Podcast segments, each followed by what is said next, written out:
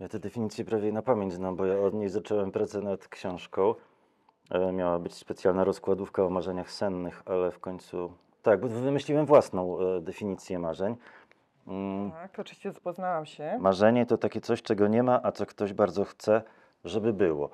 No to jakby dość szeroka definicja, ale to jest tak naprawdę bardzo pojemne słowo, bo e, niektórzy na przykład twierdzą, że marzenia trzeba odróżniać od życzeń albo mm, takich jakby planów wręcz. Na przykład nie jest marzeniem e,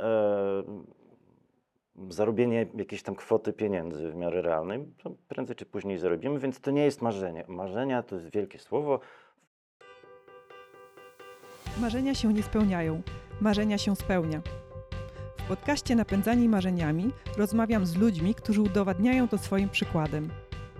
Nazywam się Joanna Borucka i jestem założycielką firmy Katalog Marzeń, oferującej prezenty w formie przeżyć. Cześć! Czy macie tak, że idąc do księgarni bierzecie do ręki ilustrowane książki dla dzieci, aby nacieszyć oczy pięknymi rysunkami?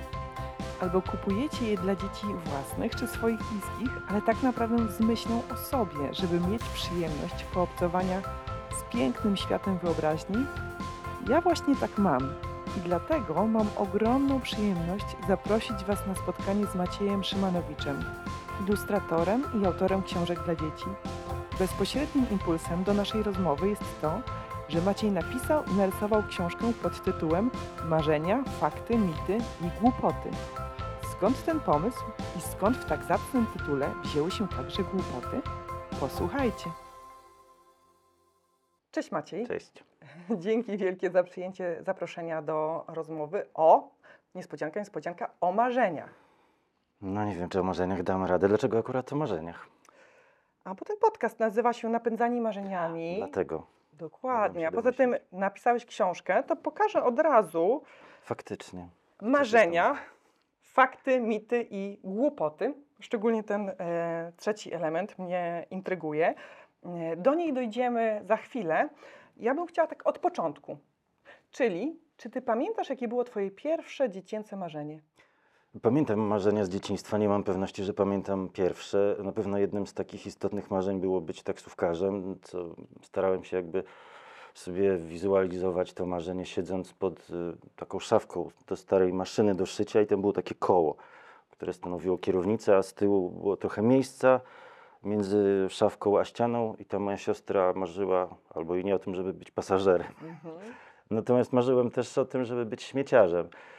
Strasznie mnie fascynowało to, jak ci faceci tak, z taką nonszalancją, jak już te kubły wturlają do śmietnika, to ta śmieciara rusza i tam taki schodek z tyłu jest. I oni tak chyc na ten schodek wskakiwali, jedną ręką się trzymali za śmieciarę i patrzyli jak marynarze ku kolejnemu śmietnikowi. Bardzo mi się to podobało jako dzieciakowi. Głównie jeżdżenie na zewnątrz samochodu, a nie e, zbieranie śmieci. Chyba o tym bardziej marzyłem.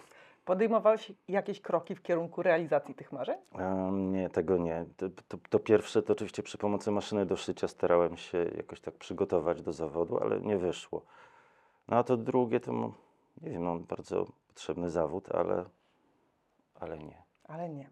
A takie pierwsze marzenie dorosłe, nie wiem, czy można powiedzieć, że marzenie jest y, rozsądne, ale takie świadome, które, co do którego miałeś plan, żeby faktycznie je urzeczywistniać. Wiesz co, to chyba były marzenia związane, e, o właśnie, z e, mikrofonem, e, śpiewaniem. E, Hmm. One się zaczęły dość wcześnie, gdzieś tam w podstawówce wstępnej. Mm, Kiedy że poliłem na gitarze i mówiąc krótko, paliłem ryja całymi wieczorami w domu.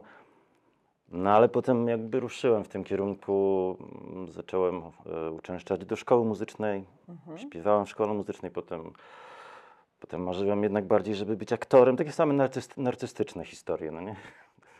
E, No i Skończyłem szkołę teatralną, ze 2-3 lata popracowałem w zawodzie i mi, Mhm. na szczęście mi przeszło. Mhm. Y, Narcystyczne, nie wiem czy narcystyczne, wiem, że bardziej ekspresyjnie, e, ekspresyjne e, zdecydowanie i takie no, No, ekstrawertyczne. Tak, ale w samym tym marzeniu, tak pamiętam i też wiem od znajomych, jest e, jednak taka chęć bycia podziwianym. Mhm. To jest bardzo, bardzo taka duża siła napędowa tych marzeń i Mhm. drogi do spełniania ich. Czyli to nie talent ilustratorski objawił się jako pierwszy, tylko bardziej właśnie talenty muzyczne? Chyba raczej ilustratorski, bo już w przedszkolu się objawił. E, mm, no i potem w podstawówce. I ja wtedy bardzo dużo rysowałem, bo dzieci, ogólnie dzieci przestają rysować takie, takie odruchowe, mechaniczne rysowanie, to gdzieś tam trwa do drugiej, trzeciej klasy, nie? Wtedy dziecko coś przeżyje, musi to wyrysować, a potem przestają rysować. A ja nie przestałem, tylko cały czas rysowałem. Mhm. Z tym, że te bardziej narcystyczne dążenia mnie jednak zdominowały na jakiś czas. Okej. A czy ty sam czułeś, że masz ten talent y, związany z rysowaniem, czy ktoś ci uświadomił? Że No wow, pani, w- jak pani w przedszkolu najpierw uświadamiała, no bo to, to jest ważne dla młodego, Mhm. że ojejku Maciek jak ładnie narysowałeś, albo a ty Ilona to co narysowałaś, zobacz jak Maciek ładnie lalę narysował. No, no także to się jakby Mhm. się z tym rośnie. Mhm, mhm. E, słuchaj, bo ja tak wyczytałam gdzieś, że w którymś momencie to jednak chciałeś też e, iść w kierunku em, rysowania i mogę też powiedzieć tak, zarabiania na życie e, rysowaniem, bo wyczytałam, że e, fascynowały Cię komiksy. E, nie wiem, czy potwierdzisz, czy zaprzeczysz, i że chciałeś e, iść w tą stronę. Tak chciałem i nawet, e, o właśnie, nawiązując do pierwszych marzeń z dzieciństwa, narysowałem komiks o śmieciuchu. Mhm. E, To były czasy, kiedy e, przemian e, ustrojowych w Polsce i tak jak wcześniej te rzeczy związane ze śmieciami, odpadami, no to był tylko taki śmierdzący, niefajny temat. Tak potem nagle się pojawiły jakieś pieniądze na uświadamianie społeczeństwa, że to ważne, że nie można wyrzucać wszystkiego wszędzie. No i mm, przypadła mi rola em, twórcy komiksu o śmieciuchu, który zawładnął miastem. Była na to jakaś kasa, sąsiad pracował e, gdzieś tam w jakiejś firmie, która właśnie się zajmowała e, prze, przewalaniem tych grantów, które wtedy też były nowością. No i ponieważ wiedział, że ja lubię i coś tam wychodzi, narysowałem taki komiks. Zarobiłem za to nawet jakieś chyba z 500 zł, już nie pamiętam. Na stare to było. Konkret, to konkret. Wtedy był konkret. No ale to jednak była frajda, że mnie wydrukowali gdzieś. Mhm, mhm. No, a, a czyli umiesz e, tak e, zdiagnozować, co sprawiło, że jednak ten śpiew, aktorstwo, e, poza tym aspektem właśnie łechtania ego, e, wygrało z rysunkiem? Na początku, na początku. Wiesz co, to była taka droga e, między e, jakby zarzuceniem tych marzeń i, i działań, no bo ja pracowałem w teatrze, nie byłem wybitnym aktorem, miałem tego pełną świadomość, co mi nie przeszkadzało jakby cieszyć się, e, się tym, e, tą sytuacją. Tym bardziej, że pracowałem w teatrze fajnym, uznanym. Nie wiem jak teraz, dawno nie miałem kontaktu. Teatr Mhm. nazywał się Wierszalin i wtedy to był taki jeden z najbardziej utytułowanych teatrów polskich w- na Mhm. świecie wręcz. No nie? Był W, w którym mieście?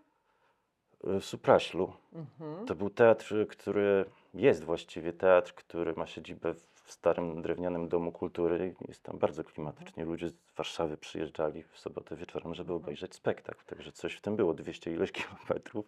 No To, to mega. A czy to był e, e, teatr, nie wiem jak to mogę powiedzieć, tradycyjny, czy jednak inny? Bo twój e, nawiązuje do e, uczelni, do wydziału, który u, u, u, No ukończyłeś. tak, bo ja skończyłem szkołę lalkową. Te- te- Mhm. Ten teatr e, był, miał bardzo specyficzny język mm, teatralny, bo tam nie było tam stricte, nie miałem stricte lalkowych jakichś Mhm. czynności, natomiast na przykład jeden spektakl był grany z rzeźbami, no nie? Jakby te rzeźby były ogrywane. To był, e, jeden był z, ob- z obrazkami, to był w ogóle prawie Olgi Tokarczuk. I tam były takie jakby no, takie ikony jakby tych postaci. Mhm. I w zasadzie wszystko było grane przez aktorów, ale te ikony gdzieś tam też miały taką swoją nieoczywistą funkcję. Mhm. Także no ciekawie było. Emocjonalnie też ciekawie było, bo to, I dlaczego jednak e, ilustracje? e, o wszystkim bym nie chciał mówić, bo taki teatr dla dorosłych to jest e, naprawdę kocioł na różne sytuacje. Natomiast Czyli rozumiem, że była motywacja i ta negatywna, i ta pozytywna. To znaczy, to, ciężko powiedzieć, żeby tam coś e, negatywnego było, no bo, to, tam po prostu te zależności między, międzyludzkie są takie na bardzo wysokim poziomie i to nawet, nawet bywa takie, no, trochę kręci, trochę wkurza, jak wszędzie. Natomiast ja w pewnym momencie stwierdziłem, że to chyba nie jest zawód dla mnie za kilka lat, tak jak sobie wtedy siebie wyobraziłem, bo na przykład jest coś takiego w teatrze lalek, nie wiem czy teraz, bo teraz trochę tak nastąpiła wymiana pokoleń parę lat temu, ale miałem takiego znajomego reżysera, który był aktorem wcześniej w Teatrze Lalek i on wtedy miał tyle lat, co ja teraz, może trochę mniej i mówi, Maciek, kurde, muszę zostać reżyserem. A ja mówię, dlaczego? Przecież jesteś super aktorem. Ty wiesz, ale już masz 40 parę lat, wyskakujesz w rajstopach na scenę, patrzysz na te dzieci, okej, ale one przychodzą z tymi mamami i jest, powiem ci, głupio jest.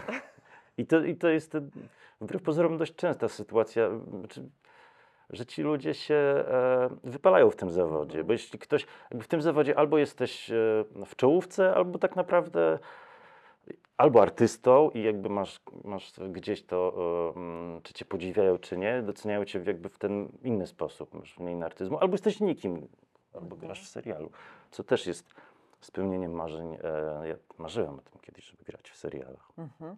i być celebrytą. I to są te elementy. e, No, i my, myślę, że osiągnąłeś to marzenie może w innej formule. No ale jak się Wśród okazało... specyficznej grupy docelowej. Jak się okazało, że dzisiaj myślałem, że, e, że będzie radio, okazało się, że jest wideo. Ja nie lubię siebie Mhm. jakby oglądać, e, okazywać. I mi to zaczęło też na scenie przeszkadzać, że wolałem coś narysować. Jak coś narysujesz, to możesz od tego odejść i popatrzeć, jak inni na to patrzą, w zasadzie zobaczyć dokładnie to, co oni widzą. Jak jesteś aktorem, to tak zawsze Mhm. od środka patrzysz. Ktoś mi podpowiedział, że warto robić sobie codziennie selfie, tylko i wyłącznie po to, żeby właśnie polubić siebie, żeby patrzeć na, na Muszę to zacząć, bo selfie zrobiłem może raz w życiu przy okazji kupienia nowego telefonu, żeby zobaczyć, czy działa, ale skasowałem od razu.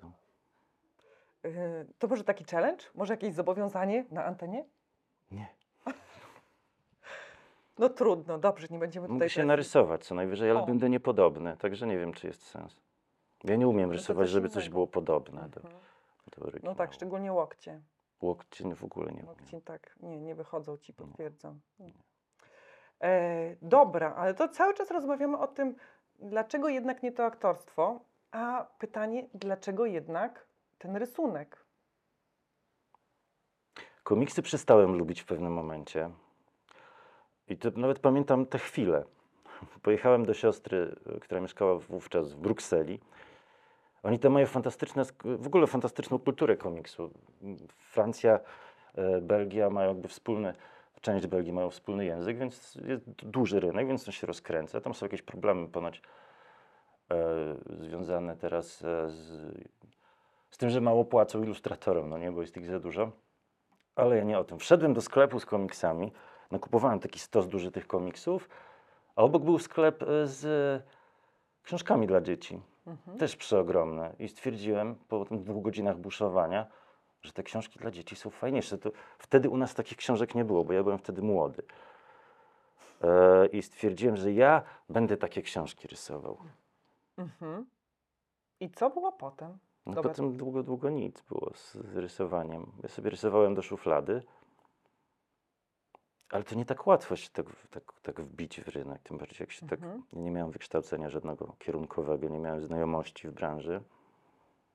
No i To co było tą stopą wstawioną między drzwi? Bo miałeś, A już, miałeś już jakieś doświadczenia, e, mówiłeś o komiksie wcześniejszym. E, no właśnie, i jaki ten, czy, ty, czy ten rysunek e, to ty sobie wychodziłeś, czy jakieś zrządzenie losu sprawiło, że przyszło pierwsze, drugie, trzecie i kolejne zlecenie? E, Wiesz co, to była, to była droga taka dosyć długa, bo ja najpierw e, naj, pracowałem przez, w agencjach reklamowych przez jakiś czas. E, To też nieoczywiste z aktorstwa do agencji. No nie, nieoczywiste. No ale jakby gdzieś tam mm, odwoływałem się, ma, e, bu, jakby próbując realizować ten pomysł do tych moich doświadczeń e, graficznych, młodzieńczych. E, no i jak sobie już kupiłem komputer, a to kiedyś nie było tak jak dzisiaj, że po prostu się kupowało albo wymieniało, na to się czekało, marzyło, trzeba było z- pozarabiać, czy tam podorabiać. Ojciec trochę dołożył, albo ja, już nie pamiętam kto więcej. To była kupa forsy, ale od razu się wziąłem za naukę programów graficznych. No i ro, robiłem 100 głupot, y, łapiąc 100 strok za ogon, a to jakieś 3D, a to jakieś e, naprawdę odległe od siebie rzeczy. E, ale tak naprawdę, jak zacząłem pierwszej pracy szukać już tak po tym teatrze, to, no to szukałem w, w agencjach reklamowych. Kiedyś to słowo agencja reklamowa to w ogóle było coś elektryzującego. Tak, pracować w agencji reklamowej, nawet jeśli ona się mieściła gdzieś tam za śmietnikiem w jakimś kantorku i, i, i wycinała e, litery z folii, które się potem lepiło na szyldy, to dumnie się to wszystko zwało agencją reklamową i no, to było takie nobilitujące. E, Ja trafiłem, mm, najpierw trafiłem do jakiejś takiej dziwacznej firmy, gdzie nasza a, agencja reklamowa była przykrywką dla prezesa do kupowania aparatów fotograficznych i różnych innych fajnych sprzętów. Ale robiliśmy też na przykład etykiety na jakieś takie dziwaczne urządzenia, które nie wiem co robiły, coś z prądem. Łączenie biznesu z hobby i taką pasją, to myślę, że No, ja też jest fajny pomysł. Podziwiałem, tak. Natomiast potem trafiłem do jakiejś takiej fajniejszej, bardziej no, reklamowo-wydawniczej. Tam się już jakby nauczyłem w boju e, rzemiosła no, od strony też technicznej. E, du- bardzo dużo się nauczyłem od strony tak, przygotowania do druku. E, I tak pracowałem ileś tam lat w tym, w tym zawodzie. Mhm. A potem przeniosłem się do Warszawy. No i tu też łatwiej było. W ogóle w Białymstoku nie było wówczas chyba żadnego wydawnictwa książkowego. Może jakieś było jedno, dwa, ale to takie raczej takie e, kameralne bardzo. I w Warszawie na skutek spotkań z różnymi ludźmi przy różnych projektach, na przykład robieniu jakichś gazetek dla marki kosmetyków do farbowania włosów, e, poznałem ludzi, którzy pracują w wydawnictwach mm, książkowych. No i zacząłem e, składać książki dla dorosłych, projektować. I tak jakoś małymi krokami, trwało to ileś tam lat, e, udało mi się przekonać e, moją koleżankę Katarzynę, z którą współpracuję do dziś, że dam radę narysować książkę i że ona będzie fajna. Dziwna to była książka bardzo. Na przykład to była książka dla dzieci i tam na przykład jest ilustracja, gdzie ściga się chyba wino z piwem Mhm. po, pobieżnie, a pijani tatusiowie kibicują. Na E, pewno dla dzieci? Tak, to była książka, która e, nazywała się Europowieści. Chyba Marcin Fabiański ją napisał i to był moment, kiedy myśmy wchodzili do Unii, albo weszliśmy, albo mieliśmy wejść i tam było na każde, o, o każdym z unijnych krajów opowiadanko. Mhm. Takie krótkie e, e, o, o dzieciach, nie dzieciach. No i właśnie od w Czechach było tam chyba się, dyskusja była, co lepsze, wino czy piwo. I był też goły saksofonista w wannie, już nie pamiętam w którym kraju, chyba o Holandii. Narys- Narysowałem to wszystko ołówkiem, więc ta książka, bo jeszcze wtedy nie umiałem rysować w komputerze, musiałem się tego nauczyć. Mhm. Więc ona była czarna, ale też miała być czarno-biała z założenia, więc ołówek świetnie pasował. Dzisiaj z takim lekkim mm, zażenowaniem patrzę na te obrazki, co mm, Albo- biorę za, znaczy, czuję postęp jednak w Właśnie. tym, co robię, no ale z bardzo dużym sentymentem na te Mhm. obrazki patrzę. A Tak. potem jakoś to poszło dość szybko, e, z tym, że ja bardzo długo traktowałem ilustrowanie jako dodatkowe zajęcie. Mhm. Wszyscy mówili, ale ty durny jesteś. Ja mówię, nie, weź, no przestań, przecież tego się nie da żyć. E, Da się. da się, ale, ale to w moim wypadku to cię- ciężka robota jest, bo ja strasznie długo to wszystko rysuję. No ale też ważna jest e, jakby wiedza o rynku, o tym, jak to działa. Mhm. Mówię o tej stronie finansowej i tak dalej. To są, jest wiedza tajemna przecież. Nie ma, nie znajdziesz w internecie informacji, na przykład jak się rozliczyć, żeby Mhm. Trochę opowiadasz o tym na e, jednym z wystąpień, które jest e, dostępne w internecie. Ja myślę, że je podlinkujemy. Może jak tutaj słuchają nas. róbcie co chcecie. Dziękuję. Dziękuję. Będziemy w granicach rozsądku e, korzystać z tej możliwości. E,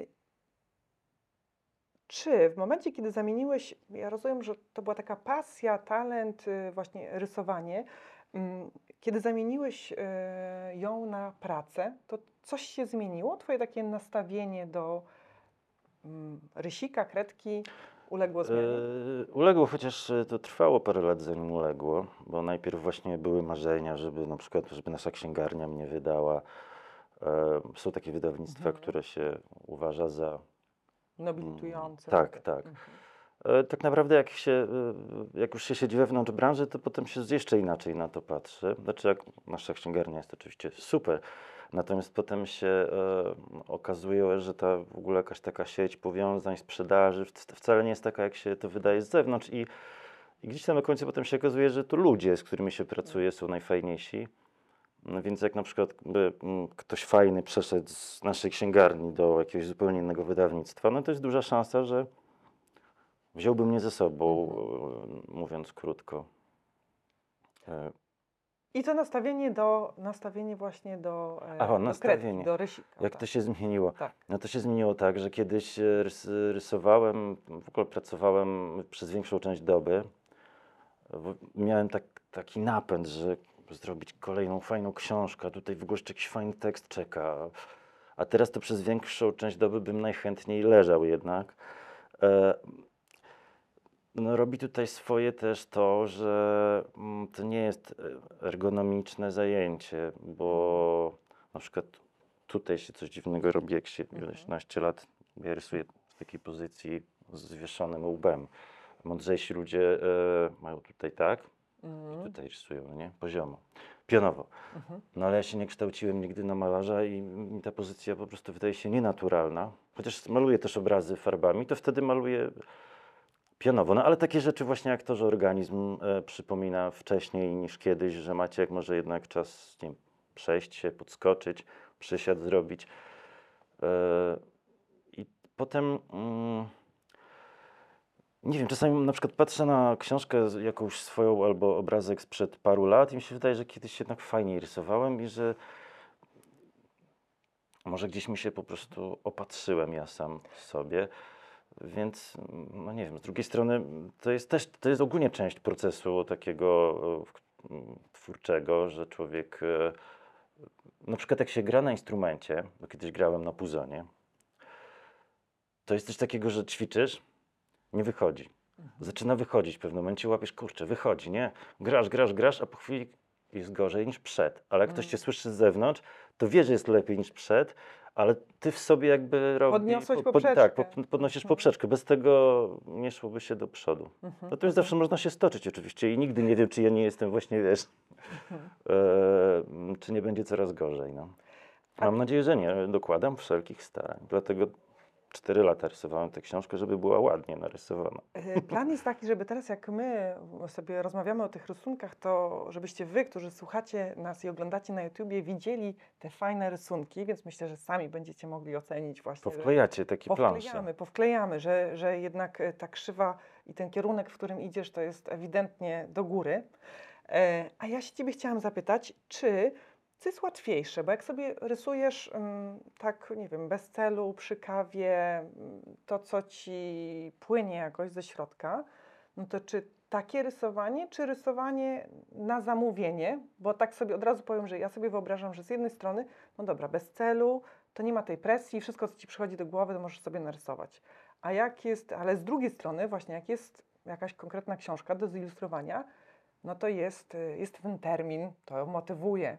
Jest jakiś taki większy konkret, to może ukierunkowuje.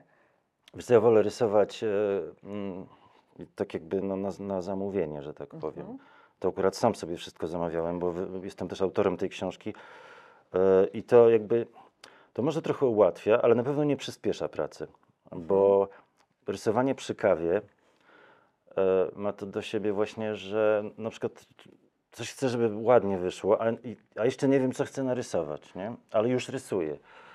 I w końcu mi nic nie wychodzi, kawa się skończyła. To jest frustrujące czasami, chociaż to jest jakaś głupotka, nie?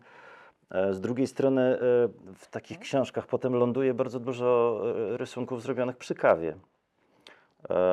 Bo ja mam takie szkicowniki różne i tam są narysowane właśnie rzeczy tak bez celu, a potem mi na przykład ratują tyłek, nie? Bo muszę Mhm. coś do książki dokończyć, sobie przypominam, a mam facetę w czajniku, nie? Wymyślonego.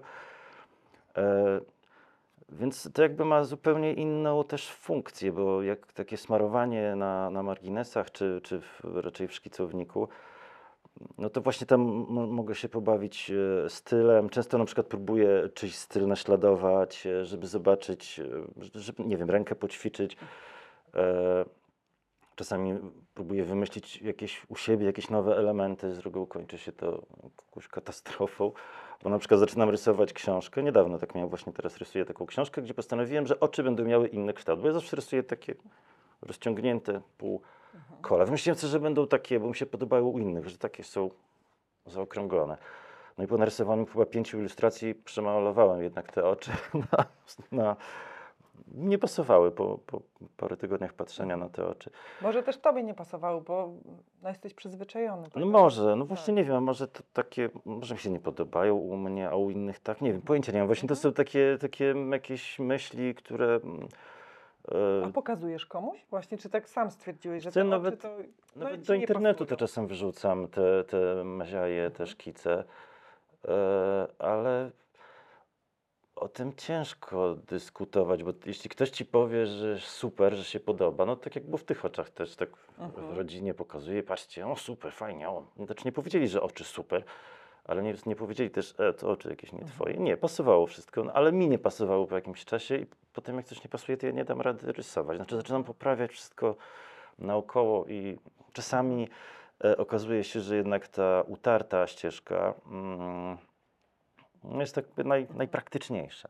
Jak mi na przykład tutaj w połowie zaczęło coś kombinować, w połowie książki ze stylem, no to wyszła jakaś kupa, no. Chyba. E, Nie będziemy testować.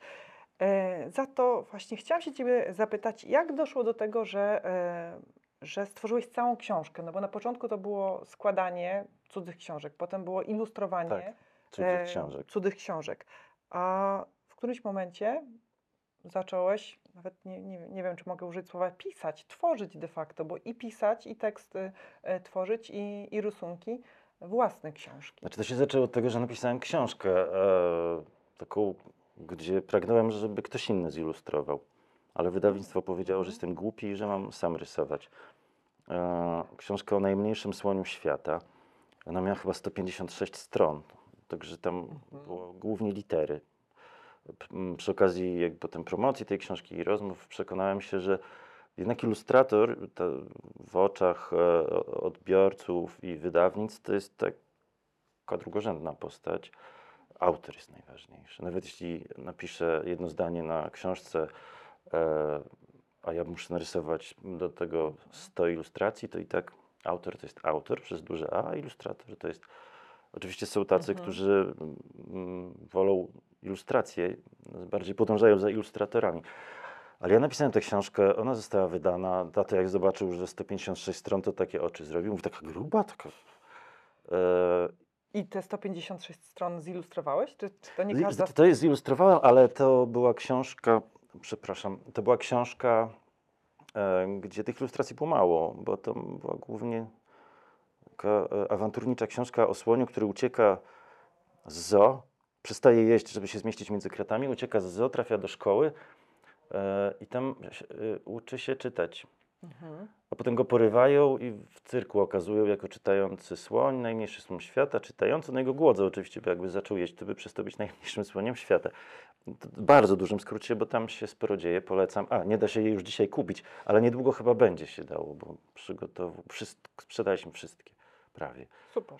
No. Damy znać, jak, jak już będzie można z powrotem. No i potem, e, potem narysowałem książkę, w której było napisów mało. To była książka Rok w Krainie Czarów. Ona polega na. To jest dla małych dzieci książka bardzo kolorowa, tej wielkości jak marzenia. No i tam trzeba było wymyślić postaci, i wydawnictwo zaproponowało, że może pomóc, może ktoś napisać. Ja powiedziałem, nie, ja sam napiszę, przynajmniej spróbuję. No i jakoś potem już się czułem na tyle pewnie, że krasnoludki, bo potem krasnoludki Mhm. robiłem pod własnym szyldem, to już wymyśliłem sam. Mhm. I, wymyśliłem też pod, pod tytuł głupoty, żeby mnie nikt, nikt nie był w stanie rozliczyć e, z tego, co, co jest w środku. Sprytne bardzo. Ja właśnie chciałam zacząć Cię rozliczać, bo chciałam teraz skupić się, e, jeszcze raz pokażę na tej książce, e, marzenia, fakty, mity i głupoty. I, I tak na start, to trochę chciałam uspójnić nomenklaturę, bo to słowo marzenia jest dla mnie bardzo ważne. I chciałam się zapytać, jak Ty rozumiesz to słowo? I mam taką pomoc, bo mam tutaj e, definicję e, ze słownika języka polskiego, PWN, Mhm. e, według której marzenia to trzy wersje do wyboru. Powstający w wyobraźni ciąg obrazów i myśli odzwier- odzwierciedlających pragnienia, uwaga, często nierealne. Numer dwa, przedmiot pragnień i dążeń. Numer trzy, ciąg myśli i wyobrażeń powstających podczas snu. Czy któraś z tych definicji jest Ci bliska, czy masz swoją własną? Ja tę definicję prawie na pamięć znam, bo ja od niej zacząłem pracę nad książką. E, Miała być specjalna rozkładówka o marzeniach sennych, ale w końcu. Tak, bo wymyśliłem własną e, definicję marzeń. Mm, Tak, oczywiście zapoznałam się. Marzenie to takie coś, czego nie ma, a co ktoś bardzo chce, żeby było. No to jakby dość szeroka definicja, e, ale to jest tak naprawdę bardzo pojemne słowo, bo e, niektórzy na przykład twierdzą, że marzenia trzeba odróżniać od życzeń albo mm, takich jakby planów wręcz. Na przykład nie jest marzeniem e, zarobienie jakiejś tam kwoty pieniędzy w miarę realnej, prędzej czy później zarobimy, więc to nie jest marzenie. Marzenia to jest wielkie słowo. Fruwać na przykład bez pomocy tech, techniki, to jest fajne marzenie. Można je chwilo, chwilowo spełnić, ale z reguły są opłakane skutki. No, E, myślę, że no, zależy, co dowolna mam na myśli przy pomocy techniki, ale dobrze, to bo o fruwaniu ja bym mogła długo, Ja więc też. może tak przy innej okazji. W ogóle ch chciałem książkę, bo też miałem pomysł że zamiast marzeń, żeby zrobić o fruwakach książkę, ale marzenia wygrały. Okazało się, że mało jest tych fruwaków, a marzeń myśleliśmy w wydawnictwie, że jest nieskończone, nieskończenie wiele. A dlaczego ale- myślisz, że to jest e, e, ważny temat? Bo tak zakładam, że jest ważny, skoro poświęciłeś mu, e, poś- powiedziałeś mi wcześniej, że 4 lata tworzyłeś tą książkę, więc musi być ważny. Ja bardzo marzyłem, jak byłem mały, o różnych rzeczach. Na przykład, o, o, jak byłem w przedszkolu, to marzyłem często o oswobodzeniu kobiety w lesie przytrzymywanej przez e, jakichś rze- rzezimieszków. E, oczywiście e, efektem oswobodzenia była dozgonna wdzięczność owej niewiasty. Wtedy jeszcze nie bardzo wiedziałem, co, co się z takimi niewiastami potem dzieje. Ale e, marzyłem o gitarze elektrycznej podłączanej do prądu, mm, o jakichś takich pastylkach, które się na takiej dziwnej patelni smaży i je i one smakują w dowolny sposób. I sobie wieczorami po prostu przed zaśnięciem wyświetlałem 100 rzeczy, często jakichś totalnych głupot, często to były rzeczy, o żeby być dorosłym często marzyłem i mieć malucha. E, No i nie spełniło się, nie mam malucha. Ale to nic, no mam inny e, samochód. E, I wydaje mi się, że ma, marzenie to jest taki w ogóle motor życia. E, zauważyłem też, że im człowiek jest młodszy, tym częściej marzy, a mniej planuje. Potem, e, potem jakby marzenia już się e, mają, takie się obcina szybciutko skrzydła marzeniem. Znaczy, o czymś się marzy, sobie myśli się, a nie, przecież to i tak nie wyjdzie. Nie? Mhm. lepiej, lepiej się w ogóle nie podniecać. A czasami mi się marzy i, i też jest fajnie, natomiast ma się taką świadomość, odróżnia się te, mm, te marzenia. Właśnie marzeniem na przykład je- było moim śpiewać, nie? Mhm. Uczyć się śpiewu, występować gdzieś tam.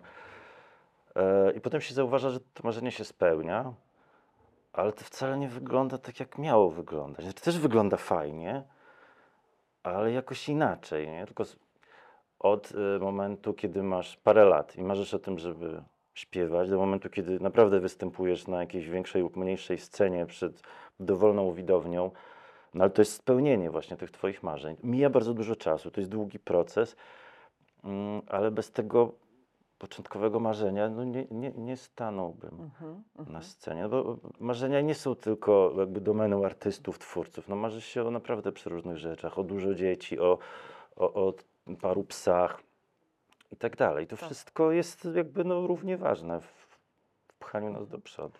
I, I tworząc tą książkę, właśnie miałeś taką myśl, że chcesz pobudzić tą e, kreatywność, Nie, marzenia, nie, ta nie? książka jest po prostu zrobiona po to, żeby dzieci miały frajdę, żeby uczyły się obcować z książkami. Mhm. e, żeby. No bo to jest taka wyszukiwanka. To, tak naprawdę ta książka mogłaby być, nie wiem, o, o czymkolwiek, nie? Mhm. E, natomiast jest o marzeniach i przy tej okazji e, próbowałam analizować ten temat i stwierdziłem, że wiesz co, że ciężko teraz. E, jakby nie, nie, nie. Parę rzeczy sobie uświadomiłem, nazwałem, ale to jest taki jakiś totalnie pozanaukowy, poza, Mhm.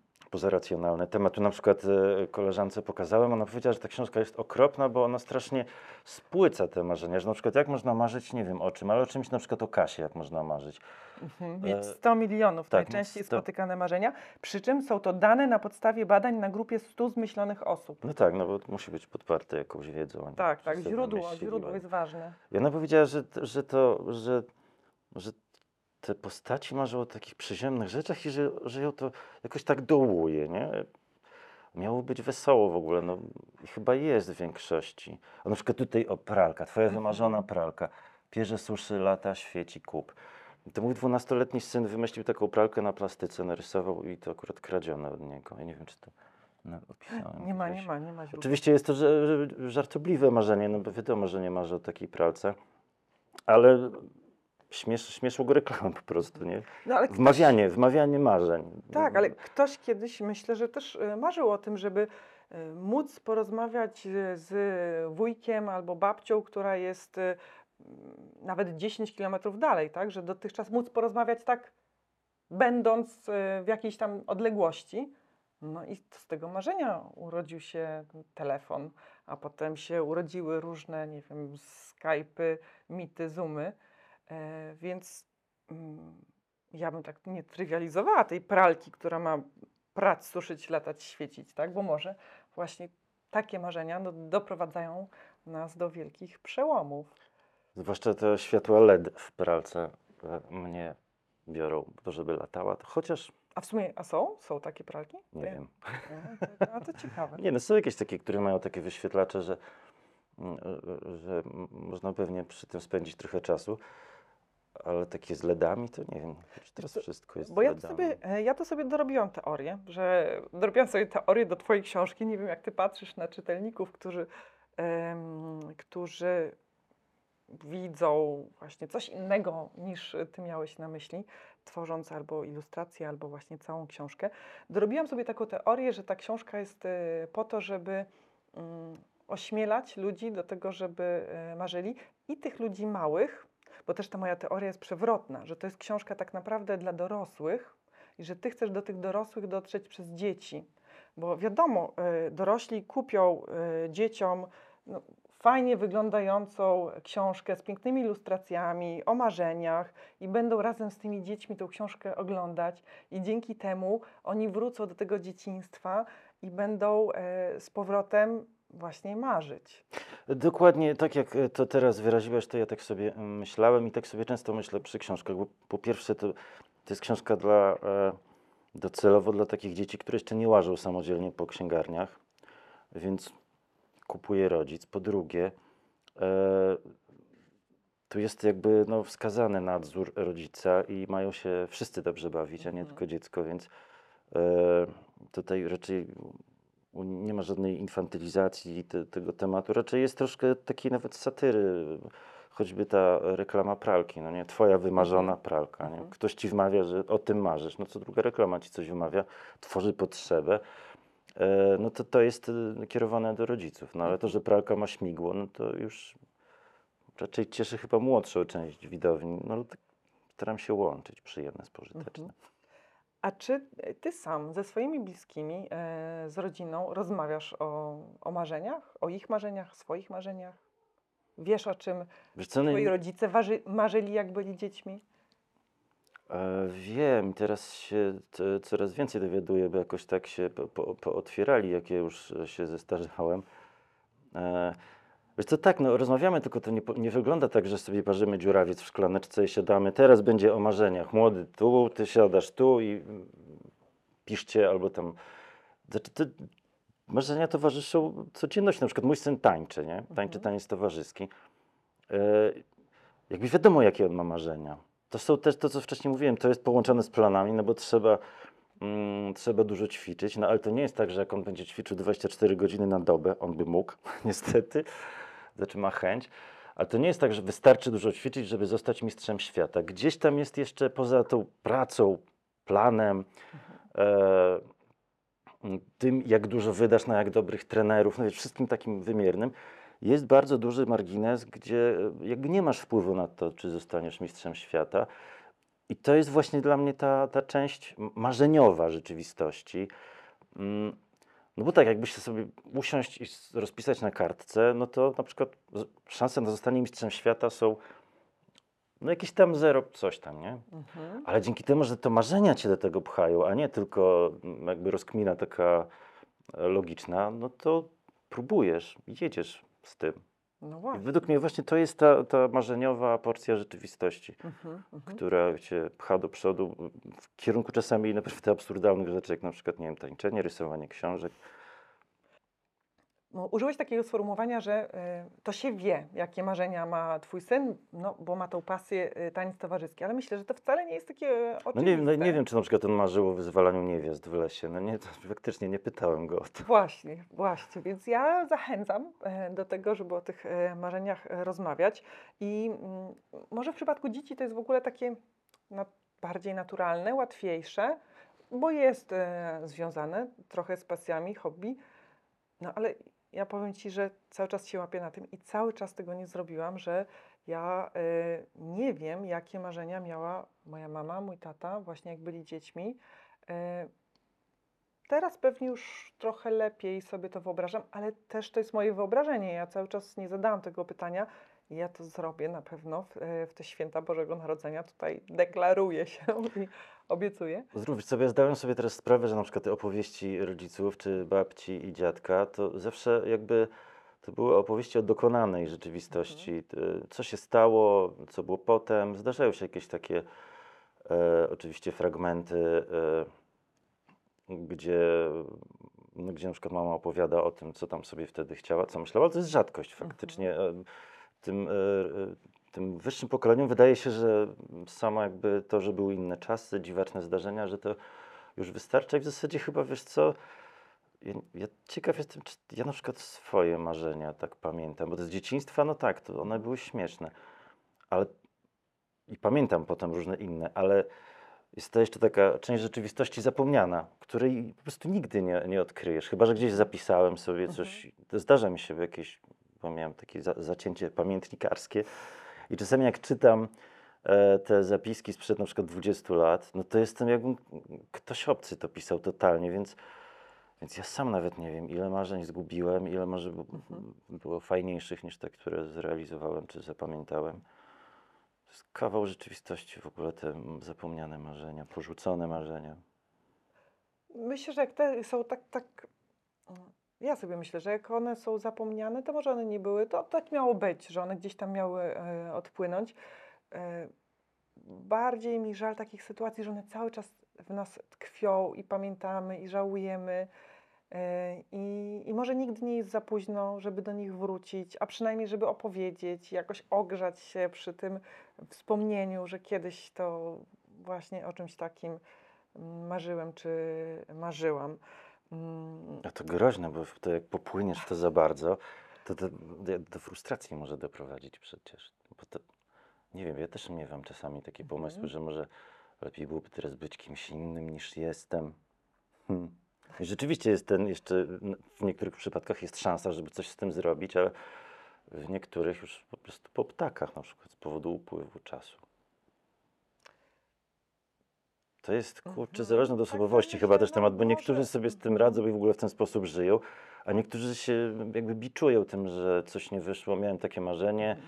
ale nie, kurczę, bitcoin spadł, nie jestem bogaty, kurczę, kurczę, kurczę, jestem słaby, nie? Ale trochę, no tak, faktycznie wchodzi, wchodzimy w taką sferę, nie wiem, psychologii, ale Tak, ja bo- tak sobie myślę, że jak ktoś tak sobie by się tak biczował, to myślę, że jemu nie jest dobrze dzisiaj, więc on Ale chyba bitcoin trochę... wzrośnie, prawda? Na szczęście nie jest to moje zmartwienie, więc nie odpowiem ci też na to nie. pytanie.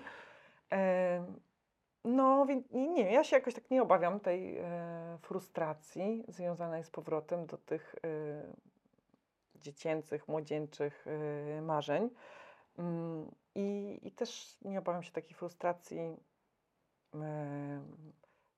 myślenia tu i teraz o, o marzeniach, bo myślę, że to jest, tak jak powiedziałeś wcześniej, to jest to coś, co nas napędza, prawda? Napędzanie marzeniami, coś, co daje taką pozytywną mm, energię, e, a potem mega satysfakcję też i radość, jak, e, jak te marzenia realizujemy. Tak, ale zobacz, że marzenia niektóre mają termin przydatności do spożycia, nie? Na przykład? Na przykład mieć siedmioro dzieci. I potem, Mhm. i potem możesz sobie, masz na przykład sześć i już stwierdzasz, że już nie, bo to jest zdrowotnie niebezpieczne czy coś. No i możesz popaść w jakąś taką frustrację, że kurczę, tylko, tylko już sześć. nie? Mhm, mhm. Ale my ich chyba nie mm, ryjemy tak. y, Chyba nie, nie ma też potrzeby, No żeby. potrzeby nie ma, ale, No. ale każdy ma inaczej, nie? No każdy ma inaczej. Bo czasami jak patrzę, że ktoś próbuje na przykład teraz jeszcze nadrabiać e, te marzenia, to mm, nie mogę powiedzieć e, e, konkretów, bo się domyśli, ale to czasami z zewnątrz wygląda desperacko. E, I tak widzisz, że to donikąd, że to jest taka trochę zabawa w spełnianie tych marzeń. Się zas- zastanawiasz, patrząc na, na tego kogoś, czy rzeczywiście go to kręci, czy on ma nadzieję na przykład, że nie wiem, że, że zostanie sławnym piosenkarzem. Ale poczekaj, to było tak, tak wybrzmiewa, a chciałabym to zweryfikować, że, że trzeba być ostrożnym z marzeniami.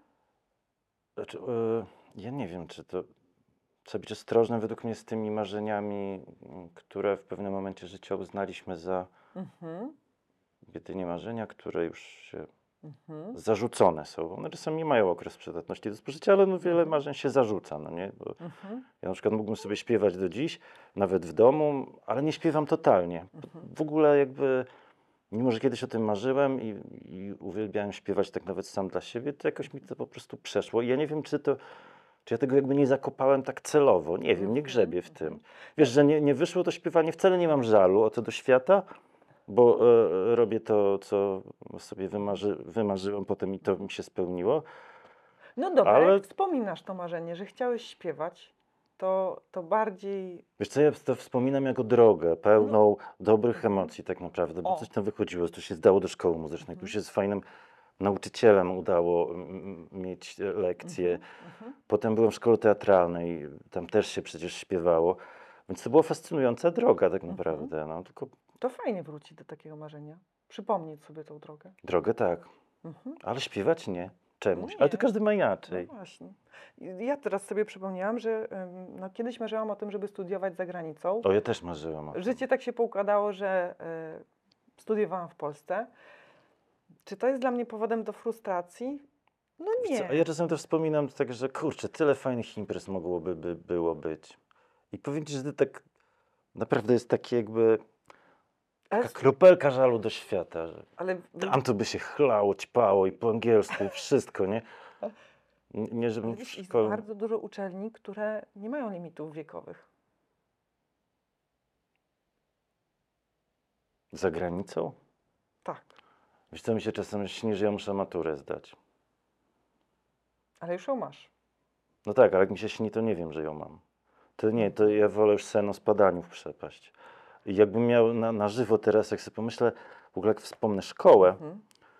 i tą presję, żeby mieć dobre oceny. Dlatego no, s- na szczęście syn się dobrze uczy, ale nigdy go jak dostanie pały nie ma dyskusji. Mhm. E, Dla mnie to było coś okropnego. Więc jak teraz sobie pomyślę, że miałbym na jakieś studia iść, to nie, to, to nie jest moje marzenie na pewno. Zresztą wiesz, no teraz już to raz, raz w życiu można coś takiego e, zaliczyć, wiesz, takie swobodne balety, bez rodziny, bez, bez psa, bez kredytu i tak dalej. To, to właśnie to jest marzenie już Już. z terminem przydatności do spożycia. Ono Okej. się przeterminowuje w pewnym momencie. No dobra, i teraz jest przestrzeń na nowe. Właśnie na takie marzenia, które są.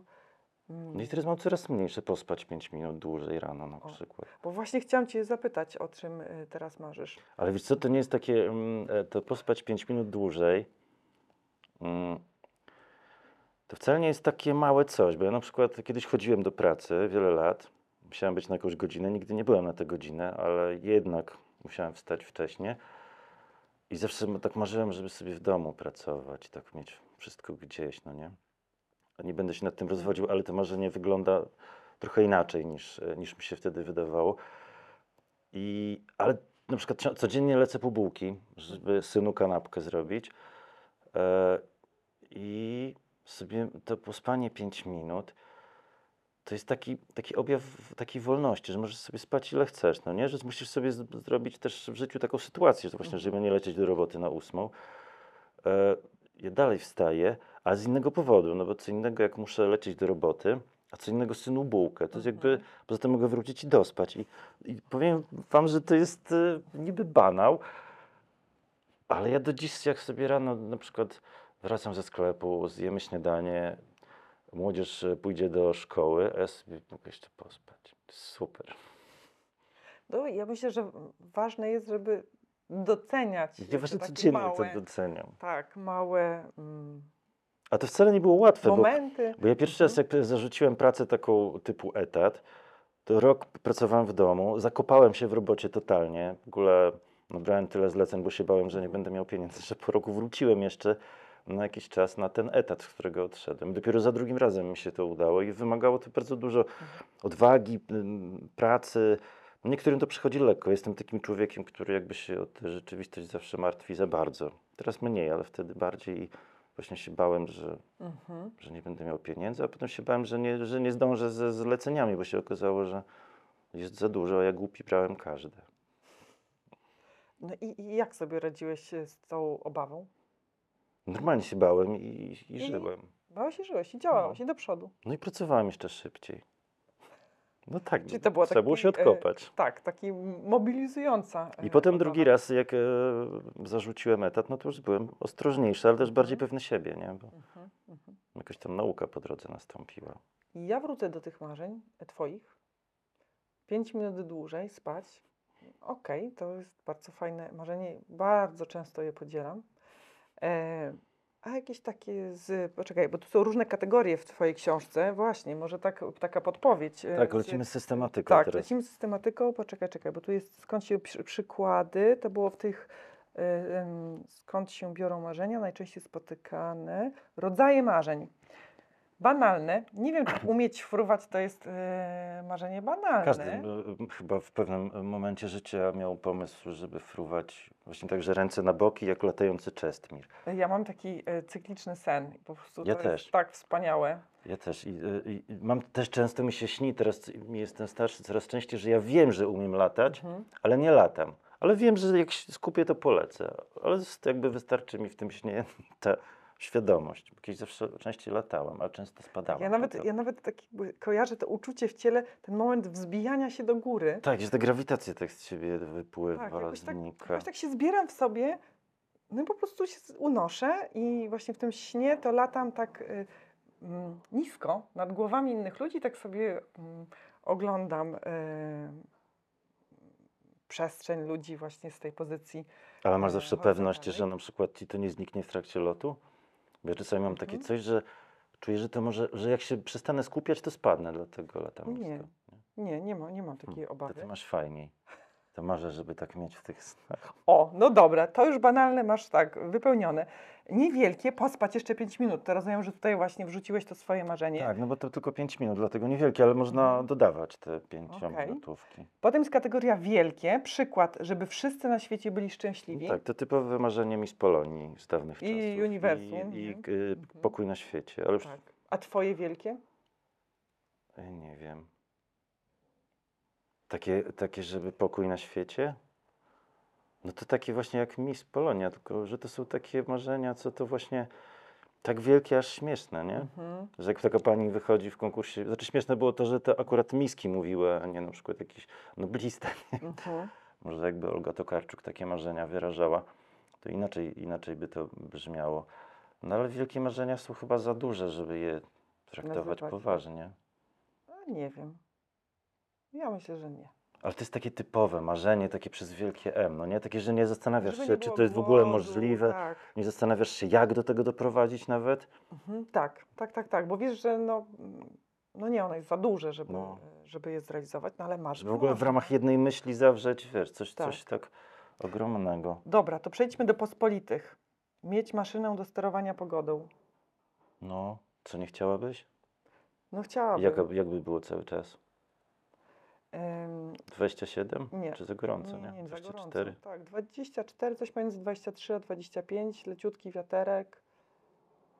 No i co? Mhm. Super marzenie. Super. No. No a co byś dodał jeszcze do tej kategorii? Do kategorii pospolite? Tak. Właściwie Wiesz ja co? rozumiem, że to ty jesteś twórcą tych marzeń, więc Wiesz co, jeszcze na przykład parę lat temu, czy paręnaście lat temu E, podejrzewam, że takim marzeniem był robot sprzątający, nie? A teraz proszę bardzo. E, No. Więc to jest ta kategoria, chociaż. E, ale nie wiem, może będą takie maszyny. Tylko jakby każdy miał taką maszynę w domu, to wiesz, co by się działo na podwórku? Ej, Nic, wiesz, nie wiadomo. Ja mam kolegę, który opowiadał, że w biurze każdy miał taką maszynę, w sensie każdy miał przy swoim biurku na open space, czyli dużej A. przestrzeni, możliwość e, sterowania klimatyzacją taką nakierowaną Mhm. na jego biurko. No i wydarzyło, wydarzyła się katastrofa, może za dużo powiedziane, no ale no tak, tu 2 metry kwadratowe 18, następne 2 metry kwadratowe wszyscy- wszyscy 25. chorzy. Krótko, tak, to, krótko to funkcjonowało w takim wydaniu. Tak, więc są niebezpieczeństwa, tak, związane z taką zbyt dużą mm, demokracją, jeśli chodzi o marzenia. Praktyczne, mieć nogi, Mieć nogi, tak. Mm. No marzenie praktyczne też jest e, mieć dużo forsy na przykład według Mhm. mnie. Ja bym chciał. pomaga. Pomaga potem te inne, te wielkie na przykład. Albo wiesz co, ty też zobacz jaki jestem jednak maszynę, do, żeby maszyna ci robiła pieniądze w nieskończoność, a nie mieć dużo forsy, bo to ci się skończy ta forsa. Mhm, mhm. Czyli taka drukarka. Jak jest w bankomatach są drukarki do pieniędzy, to tak mieć w domu. Przydałoby się. Większość dzieci y, y, myśli, że tam że można brać ile się chce. Jakieś y, córka kolegi zapytała go, tata, dlaczego ty tak mało tej kasy bierzesz? Przecież możesz wziąć ile chcesz. Nie? E, No tak, ta książka nie uświadomi o tym, że są e, pewne ograniczenia, ale na pewno uruchomi e, tą kreatywność. Em, no i ta ostatnia kategoria, bezsensowne, żeby wszyscy wujkowie na świecie mieli wąsy nad nosem, a nie pod nosem. Skąd ty to bierzesz w ogóle? Znaczy, to, to, to ja pamiętam, jak zbudziłem się kiedyś, jak byłem mały e, rano, bo większość, jeśli nie wówczas 100% moich wujków miała wąsy, a Mhm. tato nie miał, nie? więc dla mnie wąsy były jednak takim zjawiskiem zewnętrznym. I pamiętam, że leżałem sobie rano i nie mogłem sobie przypomnieć, czy wujek Kazik ma wąsy tutaj, czy tutaj. I naprawdę tak sobie myślę, kurczę, gdzie, no tu by bardziej pasowało, bo tu przeszkadza pewnie, nie? W jedzeniu. Ale już musiałem taty zapytać. Niektórzy ludzie mówią, że e, jak się marzenia wypowie na głos, to one mają większą szansę na to, żeby e, się spełniły. I tak patrzę sobie na tą Twoją książkę. Jest tutaj wydawnictwo Nasza Księgarnia. E, Mówiłeś wcześniej, że no, są takie wydawnictwa, które mają nobilitujący mm, charakter, działanie. E, Może są jakieś międzynarodowe wydawnictwa, może są jakieś nagrody takie prestiżowe. Może e, chcesz jakąś taką, nie wiem, trylogię napisać. e, 12 lat. Znaczy, to rysowałem 4 lata, więc trylogię tak, marzę o trylogii. Może ma, maszynka, która właśnie ty będziesz mówił, o, taka maszynka, ty będziesz mówił, a rysunki będą się tworzyły. To są tacy, to ludzie tacy są, że u- udajesz, że ty rysujesz albo piszesz, a to oni robią. Taki ghost ilustrator. Tak, Ghost, Ghost Illustrator. Jest to pomysł oczywiście, Mhm. chociaż nie, nie. Wiesz co, marz, e, marzenia o jakichś wydawnictwach to mi minęły. Mhm. Mm, Znaczy, fajnie by było, ale jak na przykład, e, jak się pozna ten rynek trochę, e, to na przykład potem się okazuje, że polskich książek prawie wcale nie wydaje się na przykład po angielsku, nie? Bo nie mają dużo swoich fajnych. Jest dużo różnych takich zależności, gdzie wiesz, że to, że na przykład twoja kreska tam będzie uznawana za zbyt e, wschodnią i tak dalej. A pytasz o wydawnictwa, więc jeszcze ci dopowiem, że e, e, marzenia już są sprzedane do dwóch krajów, nie pamiętam jakich, ale krasnoludki to wyszły nawet w Chinach. Ta poprzednia książka też wyszła w Chinach, w Hiszpanii. Krasnale wyszły na, i po hiszpańsku, po katalońsku było i po hiszpańsku, po hiszpańsku. E, w kilkunastu chyba krajach e, wyszły. I ja ci powiem, że ja się nie spodziewałem w ogóle Mhm. tego. Znaczy to się wiedziałem, że to się zdarza, ale sobie myślę, nie no, gdzie tam. I potem sobie dopiero jak to się zaczęło dziać, to sobie uświadomiłem, że ja o tym marzyłem, ale w ogóle do tego nie dążyłem jakby. Znaczy, kiedyś były jakieś takie próby, żeby coś e, rysować e, za granicę, no bo wiadomo, że za granicą wszystko jest lepsze, większe i zależy, za którą. E, i, bardziej kolorowe, no, zwłaszcza moje pokolenie pamięta to dzieciństwo czarno-białe, więc długopis Bic kiedyś był po prostu czymś obiektem marzeń na Mhm. przykład. E, Więc powiem Ci, że tutaj tak jakby mi się te marzenia związane z... No bo też marzyłem oczywiście o tym, żeby na przykład, żeby w naszej księgarni, kiedyś marzyłem, żeby wydawać, to się spełniło i to jeszcze dalej y, y, urosło. Natomiast to wymaga strasznie dużo pracy i to mnie przeraża, że to trzeba najpierw narysować. To marzę sobie, e, oczywiście mówię żartem, marzę sobie, żeby książki same się rysowały. Nie, wiesz co, chyba to nie byłaby frajda. To już lepiej mieć od razu forsę. Książki wtedy nie są potrzebne. Ta, ta droga, ten proces, marzenie o tym, żeby skończyć w ogóle książkę, to jest najczęściej przewijające się marzenie w moim zawodowym życiu. Żeby już była ostatnia strona. Ostatnia życzę- ilustracja. To życzę Ci, żeby właśnie do tego momentu dochodzić tak jak najsprawniej, jak Czyli naj... krótsze książki rysować, tak? No, to krótsze może książki, sobie- albo żebyś tak y, sprawniej, nawet nie tyle czasowo jakoś y, szło to tworzenie, ale żeby, bo, bo tak się domyślam, że na początku jest ten etap euforii. Tak, pierwsza połowa zmęczenia. książki jest zawsze e, taka euforyczna, a druga połowa no to już jest znój. No właśnie, i, te, i ta ostatnia kreska, ta ostatnia kropka to jest ten element satysfakcji, więc tak, żeby y, w Twojej głowie no zawsze ta pierwsza połowa wydłużała się. Żeby było dwie pierwsze połowy. Żeby były dwie pierwsze O. połowy, dokładnie. Jest Tak. jakiś pomysł. Dziękuję bardzo. Trzymam kciuki. Nie mogę się doczekać e, kolejnych książek, wznowienia e, Słonika. I teraz będzie o takich e, durnych kotach książka. Trzymam. Mam trzy koty, więc O trzech. tak, Jeden się. się nie mył będzie. Dobrze. Niech będzie. Na szczęście to nie moje. E, więc się zgadzam. Dzięki wielkie. Do usłyszenia, do zobaczenia. Dziękuję i ja dziękuję za zaproszenie. E, Jeśli ktoś dotrwał aż do teraz, to podziwiam i dziękuję tym bardziej. Ogromnie się cieszę, że coraz więcej rozmawiamy o marzeniach. Dziennikarze pytają o nie w wywiadach, nawiązują do nich reklamy. A teraz, dzięki Maćkowi, mamy fajny sposób na rozmowę o marzeniach z dziećmi. Bo warto już od najmłodszych lat pokazywać, że warto marzyć i jeszcze bardziej, że warto swoje marzenia realizować. Książka Macieja, Marzenia, Fakty, Mity i Głupoty jest super narzędziem do rozmowy nawet z trzylatkiem na ten temat. A o jakich marzeniach będziemy rozmawiać w kolejnym odcinku? Nie zdradzam, za to już teraz zapraszam Cię do jego wysłuchania.